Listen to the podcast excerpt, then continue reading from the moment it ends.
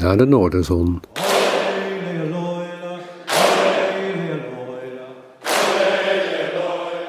Aflevering 10. Paddenstoelen van vorig jaar. Eerst het slechte nieuws. Zelfs de Rijksgrenzenbewaaksters der Noordse oppergodinnen konden de Tsjernobylwolk niet tegenhouden. Paddenstoelen, een belangrijk rendierdieet-ingrediënt, accumuleren net als korstmossen radioactieve neerslag. En dus moest de hele rendierslacht van 1986 worden vernietigd. Tragedie voor Sami en alle rendiervleesliefhebbers. Gelukkig is dat verleden tijd.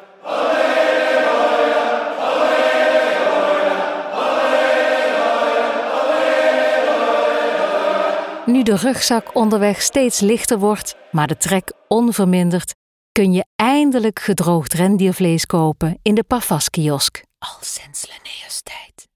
Iets duurder dan Norlands Guld, maar het genieten duurt langer. De rest van de trektocht kou je erop. De hele dag. Het goede nieuws, rendiervlees, smaakt naar de paddenstoelen die je niet kon plukken.